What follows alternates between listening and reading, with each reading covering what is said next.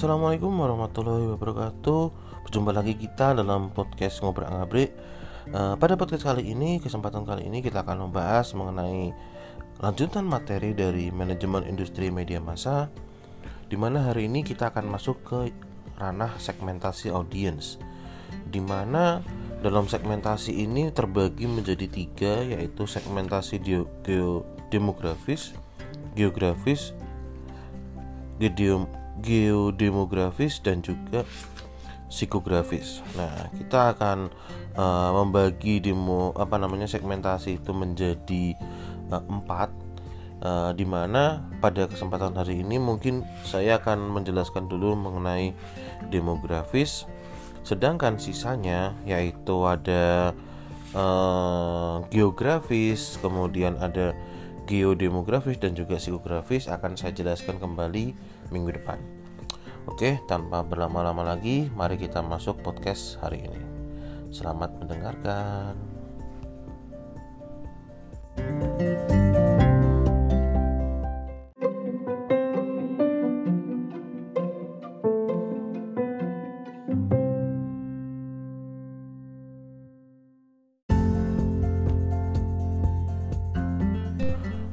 Pada awal perkembangan industri penyiaran di Indonesia, pengelola media penyiaran pada umumnya membidik audiens secara intuitif, yaitu berdasarkan perkiraan saja. Mereka mengira tahu persis siapa audiensnya dan apa yang menjadi kebutuhan audiens tersebut. Pandangan mereka tentang audiens cenderung ditentukan oleh kacamatanya sendiri, yaitu mereka membayangkan dirinya sebagai salah seorang target dari program yang dibuatnya. Untuk jangka waktu tertentu, cara ini mungkin berhasil, tapi tidak untuk jangka panjang. Suatu ketika, audiens tentu akan berubah. Generasi baru datang, media penyiaran baru bermunculan, persaingan semakin tajam, sementara program dan produk baru menawarkan gaya hidup baru. Dengan demikian, audiens pun bisa berubah menurut apa namanya sejajar atau sejalan dengan gaya hidup itu. Kita sudah mempelajari bahwa media penyiaran harus menentukan segmentasi audiens yang akan ditujunya. Namun demikian, dalam proses pemasaran, segmentasi ini tidak bisa berdiri sendiri. Segmentasi tentunya merupakan suatu kesatuan dengan targeting dan juga positioning. Targeting atau menetapkan target audience adalah tahap selanjutnya dari analisis segmentasi. Produk dari targeting adalah target audience yang akan menjadi fokus kegiatan-kegiatan iklan. Segmentasi pasar audiens adalah suatu konsep yang sangat penting dalam memahami audiens penyiaran dan pemasaran program. Eric Berkowitz mendefinisikan segmen pasar sebagai dividing up a market into distinct groups that have common needs and will respond similar, similarly to a market action. Atau segmentasi menurut Eric Berkowitz adalah membagi suatu pasar ke dalam kelompok-kelompok yang jelas yang memiliki kebutuhan yang sama dan memberikan respon yang sama terhadap suatu tindakan pemasaran. Dengan demikian, jika dituju atau jika ditinjau dari perspektif audiens penyiaran, maka secara langsung segmentasi pasar adalah suatu kegiatan untuk membagi-bagi atau mengkelompokkan audiens ke dalam kotak-kotak yang lebih homogen.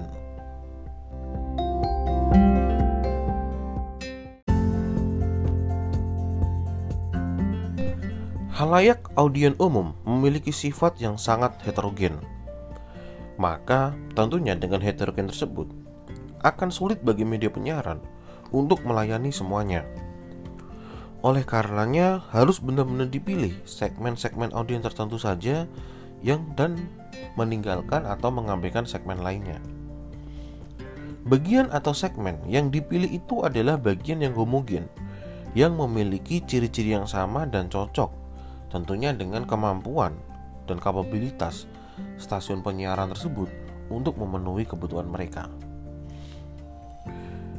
Pengelola program penyiaran harus mampu memilih satu atau beberapa segmen audiens yang memiliki karakter atau respon yang sama dari seluruh penduduk Indonesia. Dengan memahami siapa audiennya, maka praktisi penyiaran dapat menentukan bagaimana cara menjangkaunya, program apa yang dibutuhkan, dan bagaimana mempertahankan audiens dari program pesaing. Segmentasi diperlukan agar stasiun penyiaran dapat melayani audiensnya secara baik, melakukan komunikasi yang lebih persuasif, dan yang terpenting adalah memuaskan kebutuhan dan keinginan audiens yang dituju. Untuk mempromosikan suatu program misalnya, praktisi penyiaran harus tahu siapa yang akan menjadi audiensnya. Jadi ibaratnya kalau zaman sekarang itu kan uh, orang-orang banyak pakai Instagram daripada Facebook. Mungkin zaman dulu promosi lewat Facebook itu sangat-sangat efektif. Tapi zaman sekarang ketika Facebook sudah mulai ditinggalkan oleh para kaum milenial untuk oleh oleh para kaum uh, uh, remaja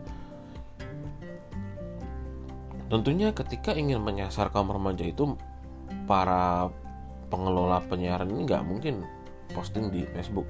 Mereka lebih mungkin posting ke Instagram atau dengan uh, paid, paid promote seperti itu. Jadi uh, tergantung siapa atau bagaimana habit dari target atau dari audiens yang akan mereka tuju. Memang ada kalanya segmentasi tidak diperlukan, yaitu bila struktur audiens bersifat monopolistik. Monopolistik ini misalnya stasiun penyiaran stasiun, stasiun penyiaran kita itu merupakan satu-satunya stasiun yang ada di suatu daerah. Namun, ketika stasiun lain muncul dan jumlahnya semakin banyak, maka perlahan-lahan audiens mulai memiliki preferensi. Monopolistik itu dulu zamannya ada televisi hanya TVRI. Ya mau nggak mau kuis yang buat tonton gitu loh. Kamu nggak punya pilihan lain. Tapi ketika muncul televisi-televisi yang lain, maka kita sebagai konsumen itu memiliki preferensi masing-masing ah, aku kalau misal lihat berita di sini lihat kartun di sini kayak gitu itu yang dimaksud dengan preferensi suatu program praktis tidak bisa menguasai seluruh lapisan masyarakat perusahaan harus memilih segmen mana yang ingin dikuasai. Dan untuk itu harus diketahui secara jelas siapa audiensnya. Jadi uh, ketika kita sudah banyak pesaing nih kita harus menyasar nih audiensnya kita siapa. Terus mereka tuh pengen acara kayak apa sih? Nah kayak gitu. Itu yang harus dipertimbangkan dipertimbangkan matang-matang. Konsep segmentasi memberikan pegangan yang sangat penting dalam memahami audiens penyiaran konsep ini juga memberikan anjuran agar memilih bagian tertentu saja dari halayak yang sangat luas jadi tadi e, menentukan satu bagian saja dari kala yang sangat luas itu agar efektif dan efisien sehingga dapat memberikan pelayanan yang sebaik-baiknya. Di masa ini hampir tidak ada satu program pun yang dapat melayani kebutuhan seluruh segmen audiens. Karena kembali lagi ke tadi, sekarang sudah tidak ada yang namanya monopolistik. Walaupun pada kenyataannya yang punya televisi itu orangnya itu itu aja tapi setidaknya mereka bermain di ranah atau segmen audiens segmen yang berbeda dengan adanya segmentasi audiens ini maka perusahaan dapat mendesain program yang lebih responsif terhadap kebutuhan audiens Pengelola program penyiaran harus memahami kebutuhan audiens dalam upaya untuk dapat mendesain program yang kemudian dapat memenuhi kebutuhan mereka atau khalayak secara efektif. Identifikasi terhadap target audiens dilakukan dengan mengkelompokkan sejumlah audiens yang memiliki gaya hidup, kebutuhan, dan kesukaan yang sama. Jadi dalam segmentasi ketika kita menganalisis lapisan-lapisan dalam masyarakat untuk kita jadikan target untuk kemudian kita jadikan target itu ada yang namanya riset. Jadi dalam segmentasi itu itu sangat krusial karena dari segmentasi keseluruhan program akan bisa berjalan. Segmentasi yang tepat dan analisis yang tepat itu membuahkan hasil acara kita berarti acara kita memang benar-benar bisa masuk ke sana ke target audiens itu ke segmentasi yang kita pilih. Maka dari itu ketika ada analisis selalu menggunakan pendekatan riset. Teknik-teknik riset yang dikembangkan dalam beberapa tahun terakhir ini dapat membantu pengelola program mendeteksi keinginan audiensnya. Jadi perusahaan menempatkan konsumennya di tempat yang utama dan menyesuaikan produk yang memuaskan mereka. Segmentasi audiens juga membantu praktisi pemasaran untuk mendeteksi siapa saja pesaingnya.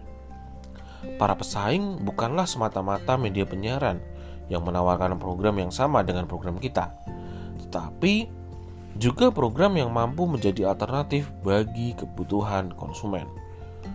Nah, jadi ketika kita bekerja atau ketika kita masuk ke dalam suatu stasiun penyiaran itu nggak melulu kita harus dari bidang jurnalistik dari bidang broadcast dan kawan-kawan. Tapi kalian juga bisa dari bidang akademisi. Yaitu nanti tugas kalian ketika masuk ke stasiun penyiaran itu adalah kalian yang melakukan riset. Ketika satu tim program acara program acara itu pasti punya tim besar ya kan? Di mana tim itu ada bagian-bagiannya sendiri. Ada bagian pemasaran bagian uh, programming kemudian bagian di depan layar dan di belakang layar seperti itu. Nah, di bagian pemasaran ini itu nggak melulu wah kalau pemasaran harus humas, harus uh, marketing communication enggak.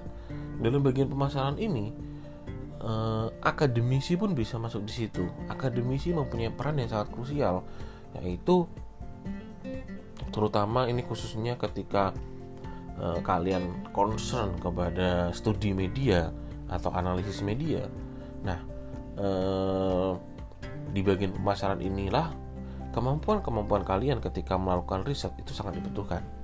Jadi eh, nggak melulu bagian pemasaran itu harus humas atau apa enggak bagian pemasaran juga bisa dari belahan irisan-irisan keilmuan ilmu komunikasi yang lain. Contohnya studi media bagian akademisi itu masuk ke ranah riset. Riset itu yang paling krusial, riset pasar. Karena dari riset itu eh, jalannya pemasaran atau kegiatan pemasaran atau marketing mix itu bisa berjalan dengan baik. Base-nya adalah research yang dilakukan sebelumnya. Bagaimana menyeleksi audiens sangat ditentukan oleh bagaimana pengelola program melihat audiens itu sendiri. Dengan demikian, audien yang dilihat oleh dua orang yang berbeda yang didekati yang didekati oleh metode segmentasi yang berbeda akan menghasilkan peta audiens yang berbeda pula. Oleh karena itu, penting dipahami struktur-struktur atau kelompok-kelompok audiens yang ada di tengah masyarakat. Setelah ini kita akan menjelaskan atau saya akan menjelaskan secara sederhana mengenai apa yang dimaksud dengan demografis, dan kemudian minggu depan kita akan lanjutkan dari segmentasi geografis, geodemografis, dan juga psikografis.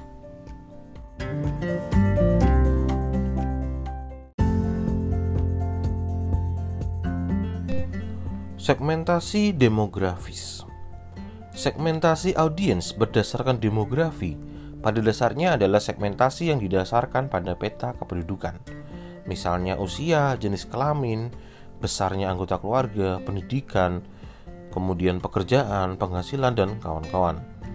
Semua ini disebut dengan variabel-variabel demografi. Data demografi ditunjukkan atau dibutuhkan antara lain untuk mengantisipasi perubahan audiens yang menyangkut bagaimana media penyiaran menilai potensi audiens yang terjadi dalam setiap area geografi yang dapat dijangkau. Data demografi program penyiaran sangat dibutuhkan pemasang iklan dalam menentukan strategi periklanan menyangkut bagaimana suatu produk dikomunikasikan kepada halayak sasaran. Dalam hal ini, pemasang iklan perlu memahami media apa saja yang dapat menjangkau segmen pasarnya. Berapa anggaran yang dibutuhkan, kemudian kapan sebaiknya disiarkan, dan siapa bintang iklan yang cocok untuk menjangkau setiap segmen. Media penyiaran yang, menyedi yang menyediakan program yang cocok atau program yang dibutuhkan pemasang iklan untuk menyampaikan pesan itu berpeluang untuk mendapatkan iklan yang lebih besar. Selain itu, segmentasi audiens berdasarkan data demografi dibutuhkan untuk mengambil keputusan manajerial. Misalnya, stasiun televisi menggunakan data demografi untuk membuka atau mem atau membuka pemancar atau transmisi baru. Praktisi pemasaran perlu memahami data demografi yang terkait dengan strategi iklan ini agar di kemudian hari dapat menentukan media penyiaran yang paling sesuai dengan kebutuhannya. Setelah ini kita bahas apa saja yang menjadi uh, segmentasi demografi. Ada usia, kemudian setelah usia ada jenis kelamin, pekerjaan, pendidikan, pendapatan, agama dan juga suku dan kebangsaan. Jadi variabel-variabel itu bisa memposisikan secara nggak langsung bisa berimbas kepada posisi media dalam kaitannya dengan segmentasi audience. Mari kita bahas dari yang pertama, yaitu usia. Dalam usia, biasanya audiens dibedakan menurut eh, tahapan hidup, yaitu anak-anak, remaja, dewasa, dan orang tua. Tetapi secara tapi eh, di apa namanya tetapi pembagian ini atau disepakati bahwa pembagian ini itu masih dianggap terlalu luas misalnya kelompok usia dewasa itu memiliki bentang usia yang cukup luas sehingga perlu dibagi lagi uh, perlu dibagi menjadi kelompok-kelompok yang lebih kecil kita tahu bahwa segmentasi atau orang itu disebut manusia disebut masih anak-anak ketika dia usia 8 sampai 13 tahun atau 8 sampai 14 tahun kalau saya tidak salah tolong dikoreksi ya. Itu eh, rentangnya masih sangat luas gitu kan. Nah, paling gampang itu kalau kita misal lihat di Netflix gitu kan ada 13 plus 18 plus berarti 13 plus itu adalah 13 sampai 17 18 18 plus adalah 18 sampai uh, selanjutnya atau dewasa itu masuk kategori dewasa kayak gitulah. Nah, itu pembagian itu tuh masih sangat luas sebenarnya. Nah, oleh karena itu program sering kali menggunakan segmentasi usia ini dalam menjangkau audiens yang diinginkan sehingga kita mengetahui program untuk audiens anak-anak, remaja, muda, dewasa, dan seterusnya. Anak-anak merupakan target audiens yang cukup penting yang tidak dapat diabaikan oleh stasiun TV. Pada masa lalu, pengelola program televisi tidak memberikan perhatian khusus terhadap acara untuk anak-anak. Sekarang pun kayak gitu kan. Bahkan pada saat ini naik kan dan saat ini pun itu masih sedikit program untuk anak-anak yang khusus dibuat di dalam negeri. Terakhir kalian masih kalau saya tuh terakhir apa ya seingat saya yang dibuat di dalam negeri itu Adit Sopo Jarwo itu dibuat di dalam negeri. Itu anak-anak ya masuk anak-anak walaupun kadang-kadang ke perkataan dari si siapa Jarwo itu kadang-kadang nggak cocok untuk ditirukan oleh anak-anak. Ya yang pure anak-anak sih apa ya dulu tuh ada si Komo kemudian ada lagi Unyil laptop si Unyil lah itu mungkin segmen anak-anak. Tapi kan masih jarang masih beberapa hanya satu acara dalam 24 jam atau 2 sampai 3 acara dalam 24 jam beda ketika kita melihat kuantitas dari acara sinetron atau acara uh, akademi apa namanya ajang pencarian bakat seperti itu itu sangat berbeda atau sangat jomplang sekali uh, acara yang khusus dibuat untuk anak. Produksi acara TV dalam negeri masih memberikan prioritas tontonan kepada orang dewasa seperti sinetron atau infotainment. Padahal dari segi jumlah nih, audiens anak-anak jauh lebih besar dari orang dewasa. Program acara untuk anak-anak umumnya atau sebagian besar masih dilabeli dari distributor acara televisi luar negeri. Program anak-anak ini eh, pada program anak-anak ini banyak tayang iklan yang ditujukan kepada anak-anak juga. Jadi nggak mungkin ketika opini pin lah contohnya kita abaikan dalam negeri luar negeri. Dalam opini pin itu itu walaupun itu produk Malaysia tapi oke okay lah itu memang acara anak-anak gitu kan. Dalam opini pin itu iklan yang mengisi slot jeda itu biasanya juga nggak mungkin tahu-tahu iklan rokok gitu kan jarang banget gitu kan. Tahu-tahu iklan apa iklan apa itu kan jarang. Dan bahkan dalam apa namanya media penyiaran pun kan iklan-iklan itu juga ada jam tayangnya kayak gitu. Jadi e, ketika acaranya anak-anak maka iklannya juga yang ditujukan kepada anak-anak. Dari makanan ringan makanan siap saji hingga perlengkapan anak. Slot iklan yang disediakan cenderung selalu penuh.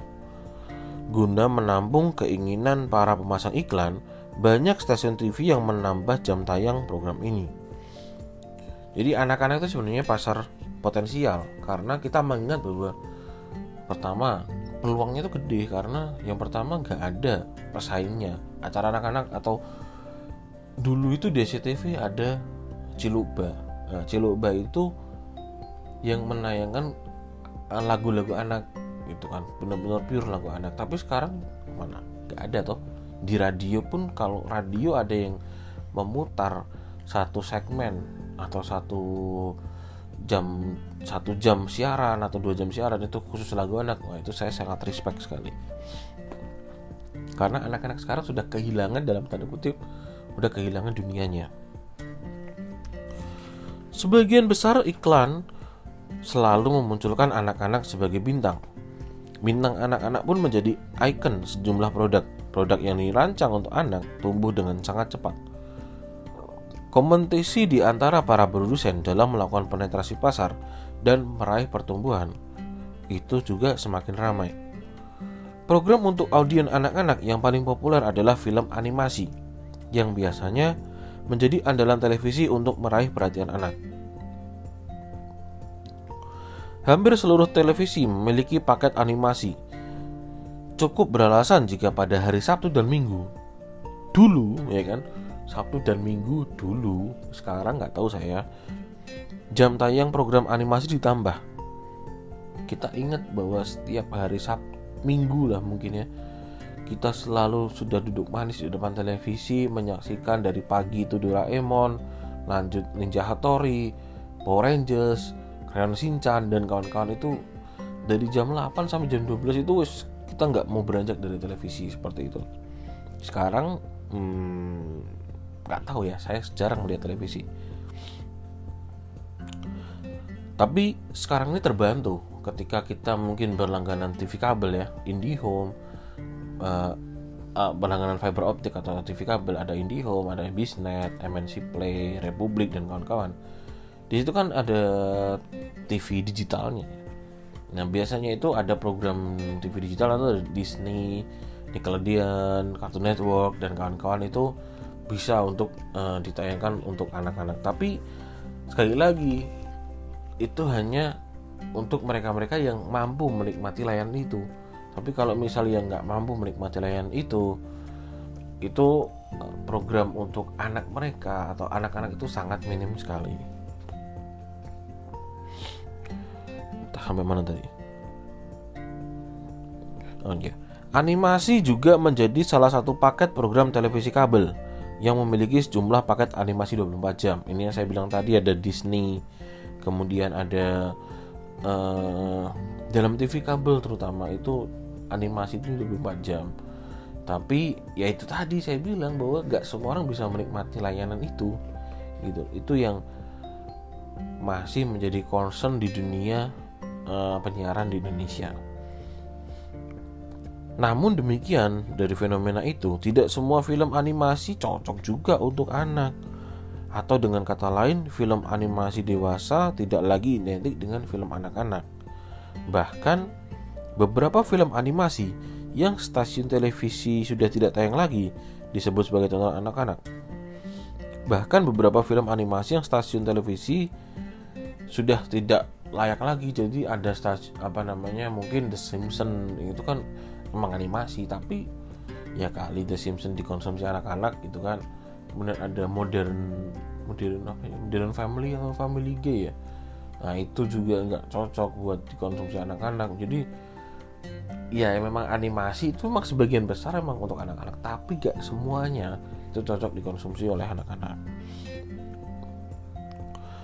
Jadi eh, dalam program apa yang untuk anak-anak ini memang sangat-sangat potensial karena contohnya di ketika kita ke bioskop gitu kan ada film animasi uh, yang terbaru ini apa sih? Uh, yang naga itu apa namanya? Nah itu. Itu kan yang lihat buis buset banyak banget kan anak-anak itu yang lihat. Rame nah itulah. Sebenarnya anak-anak ini itu potensi pasarnya sangat besar. Tetapi para pemilik media atau pengelola program penyiaran itu nggak melirik situ. Mereka melirik pasar yang alah yang penting ini aja lah aku melayani orang dewasa aja lah para uh, pembantu rumah tangga misal misal uh, mereka-mereka yang sering stay di rumah mereka tontonannya sinetron ratingnya tinggi ya sinetron terus seperti itu. Mereka jarang mengincar anak-anak mengincar program anak-anak bukan mengincar anak-anak ya mengincar program anak-anak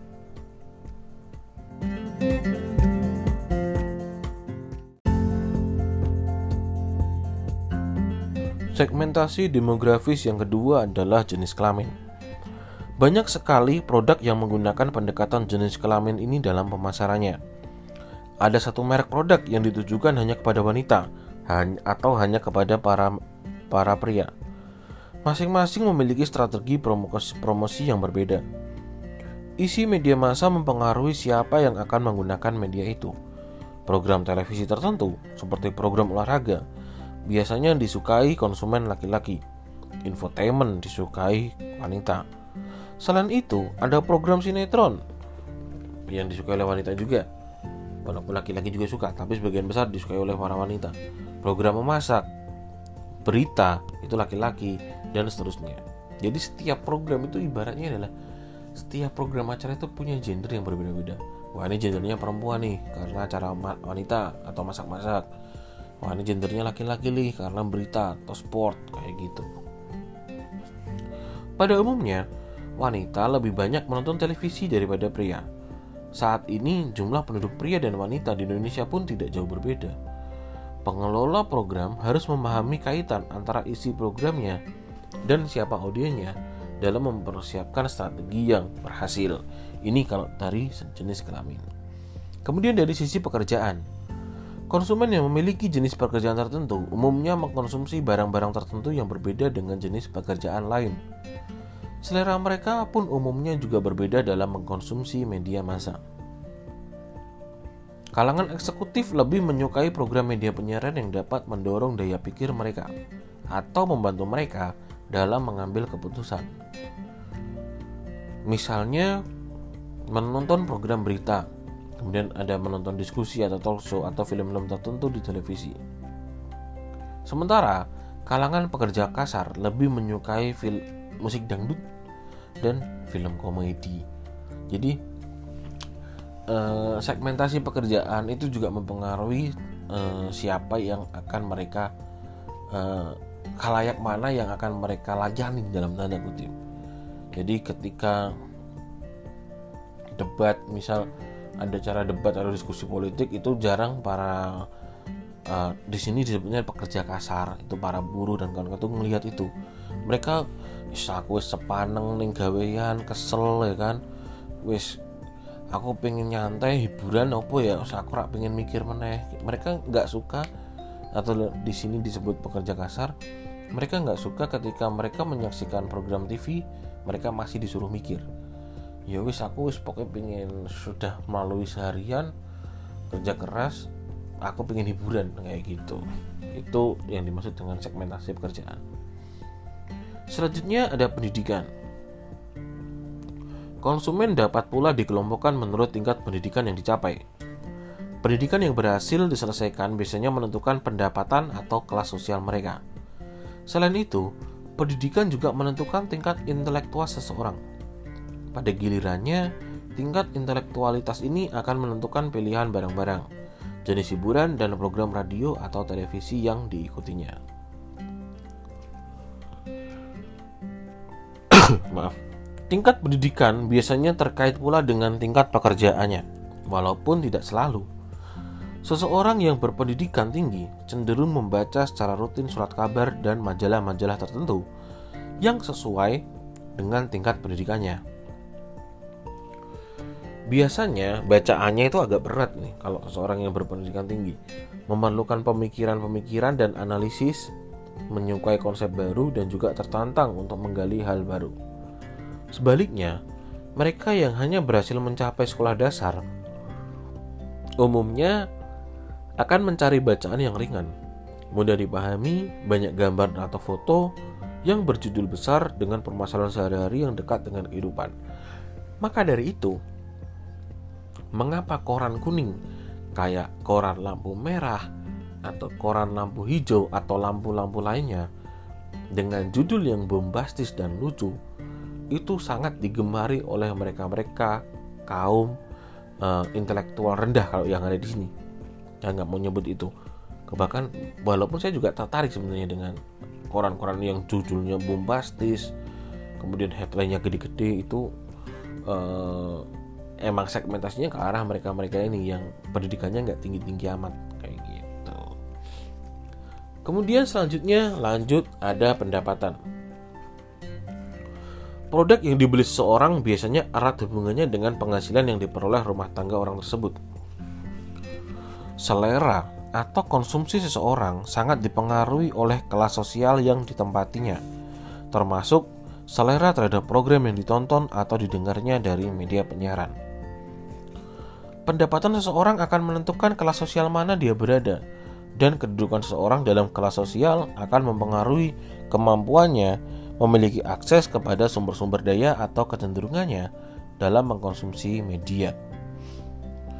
Ada beberapa kelas sosial yang dibagi menjadi uh, enam bagian menurut Leo Lloyd Warner, yaitu ada kelas segmentasi A atau kelas atas A plus kelas atas bagian bawah atau A, kelas menengah atas B+, jadi dari A+, kemudian A, B+, B, C+, dan juga C. Masing-masing kelas tersebut memiliki karakter berbeda-beda yang mempengaruhi cara pandang dan cara mereka membelanjakan uangnya. Mereka yang mendiami atau mereka yang menempati kelas-kelas tersebut pun berbeda-beda karakternya menurut lama barunya mereka di kelas masing-masing. Mereka yang baru saja memasuki kelas menengah ya, atau yang baru saja naik kelas gitu kan akan memiliki kebiasaan membelanjakan uang yang berbeda dengan mereka yang sudah mapan secara turun-temurun dalam kelas itu. Ini kalau kita lihat ada istilah OKB, orang kaya baru dengan orang kaya lahir, orang kaya dari lahir. Jadi orang kaya baru tuh wah, pasti langsung jeder gitu kan kalau belanja pasti uh, mewah, fancy dan kawan-kawan. Tapi kalau orang yang kayanya udah lama, dia udah kaya dari lahir dia akan lebih low profile. Ya memang dia memang sekali beli memang banyak tapi nggak ditunjukkan kayak gitu. Itu bedanya dengan ini yang tadi yaitu kebiasaan membelanjakan uang yang berbeda dengan mereka yang sudah mapan secara turun temurun perusahaan yang akan beriklan di radio ataupun televisi harus menentukan apakah ingin memasarkan produk untuk kalangan berpenghasilan tinggi, rendah, atau menengah. Nah, pemasangan iklan ini ketika ada segmentasi ekonomi tadi itu juga melihat tayangannya untuk siapa gitu loh. Gak mungkin kan kita misal pasang iklan eh, apa ya mewah apa ya um, iPhone gitu contohnya ya. iPhone di acara anak-anak itu nggak mungkin. Kita misal pemasang memasang iPhone di program acara dangdut itu jarang. Karena mereka tahu yang nonton dangdut itu siapa saja, yang nonton anak-anak itu siapa saja, kecuali kalau mereka memang pasang iklan iPhone di slot yang acara intelektual kayak talk show, kemudian kayak diskusi politik, kemudian apa namanya acara-acara lain yang ditunjukkan untuk segmentasi kelas atas itu tadi. Ada beberapa konsep yang digunakan terkait dengan pendapatan ini. Biasanya yang sering digunakan sebagai ukuran adalah penghasilan dalam bentuk uang tunai atau money income yang mencakup penghasilan dari gaji, keuntungan, usaha dari bunga, dividen, royalti, atau sumber lainnya. Penghasilan neto yang diterima seseorang setelah dipotong pajak disebut disposable income. Nah, income-income itulah yang kemudian menjadi patokan buat para pemasang iklan untuk wah enaknya nih Eh, dan juga selain pemasang iklan juga pengelola program. Wah enaknya nih programku main di sini nih main di ranah ini nih. Nah ketika mereka sudah main di ranah ini secara otomatis pemasang iklan juga akan mendatangi si pengelola siaran tadi untuk eh aku pasang iklan di tempatmu dong. Kayaknya ini potensial buat target audienmu gitu loh. Itu yang dimaksud dengan uh, win-win solution antara pendapatan dari sisi pemasang iklan dan juga sisi pengelola program siaran.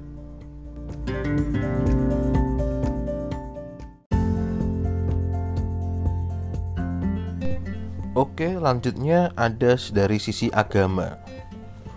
Agama belakangan ini merupakan segmentasi yang telah digunakan untuk memasarkan berbagai macam produk. Pada stasiun TV, segmentasi konsumen berdasarkan agama telah digunakan untuk membuat program yang tertentu, misalnya sinetron bertema religi, ceramah, diskusi agama, bahkan yang sekarang terjadi program sahur. Tidak itu saja, banyak program yang dikaitkan dengan agama, misalnya menampilkan pembawa acara yang dikenal sebagai tokoh agama. Program yang bernuansa agama ini dapat digunakan untuk memasarkan produk-produk yang erat kaitannya dengan agama juga. Namun demikian, uh, oh sebentar saya jelaskan dulu nih produk yang erat kaitannya dengan agama itu misalnya nih makanan dan minuman halal kemudian uh, zam-zam produk perbankan ataupun asuransi syariah perjalanan haji dan umroh buku agama misalnya dan kawan-kawan. Itu tadi yang dimaksud dengan produk-produk yang berkaitan dengan agama. Namun demikian khususnya bagi produsen atau pemasang iklan Segmentasi cara ini umumnya sangat sensitif dan memerlukan keseriusan dalam menjalin hubungan dengan konsumen. Apalagi sekarang, di mana isu agama itu kayak nyenggol dikit, wah langsung tawur antara ormas kayak gitu itu kan cukup harus berhati-hati ketika ingin bermain di ranah agama. Segmentasi berdasarkan agama hanya dapat diterapkan pada produk-produk tertentu yang pasarnya amat sensitif terhadap simbol-simbol agama. Uh, jadi uh, sensitif itu ibaratnya adalah zam-zam itu simbol agama apa, kemudian uh, pohon Natal ataupun lonceng dan juga uh, hiasannya itu juga simbol agama tertentu. Kemudian sesajen, ikat kepala, udeng itu dengan agama tertentu kayak gitu. Kemudian lanjut ada suku dan kebangsaan. Pengelola program penyiaran dapat pula melakukan segmentasi konsumen berdasarkan suku dan kebangsaan sepanjang suku-suku itu memiliki perbedaan yang mencolok dalam hal kebiasaan-kebiasaan dan kebutuhannya bila dibandingkan dengan suku lain. Selain itu, tentu saja segmennya harus cukup besar, potensial, dan memiliki daya beli yang tinggi. Suku-suku tertentu ini biasanya memiliki ciri khas dalam soal makanan, pakaian, dan juga cara berkomunikasi stasiun penyiaran lokal ini kalau dalam hal suku dan kebangsaan itu e, harus menggunakan atau pada umumnya menggunakan segmentasi berdasarkan suku dan kebangsaan dalam produksi programnya. Jadi kalau misal stasiun televisi levelnya atau stasiun penyiaran nasional itu jarang memakai suku dan kebangsaan karena ketika kamu fokus di satu suku maka kamu tidak mampu dalam tanda kutip melayani suku-suku lain atau tidak uh, jarang digunakan segmentasi suku ini. Tapi beda soal ketika kita bermain di uh, stasiun penyiaran lokal di mana uh, kearifan lokal atau lokal wisdom dari suku tersebut sangat-sangat ditonjolkan kebudayaan suku-suku tersebut sangat ditonjolkan untuk menarik minat suku itu agar mereka stay tune atau jadi konsumen dalam program siaran yang kita siarkan. Jadi uh, itulah tadi uh, segmentasi demografi, uh, penjelasan segmentasi dan juga segmentasi demografi yang sudah saya jelaskan pada podcast hari ini uh, selanjutnya atau podcast minggu depan kita akan masuk ke segmentasi geografis, geodemografis dan juga psikografis untuk selanjutnya untuk kemudian uh, minggu lusa kita masuk ke targeting. Jadi itulah timeline kita untuk dua minggu ke depan. Terima kasih buat teman-teman yang sudah mendengarkan. Selamat berpuasa bagi yang menjalankan dan selamat uh, hari Senin buat yang tidak menjalankan puasa gitu kan uh, akhir kata podcast hari ini saya akhiri dalam materi MIMM Manajemen Industri Media Massa. Uh, terima kasih buat sudah mendengarkan. Uh, sampai jumpa lagi pada podcast kita selanjutnya. Sampai jumpa.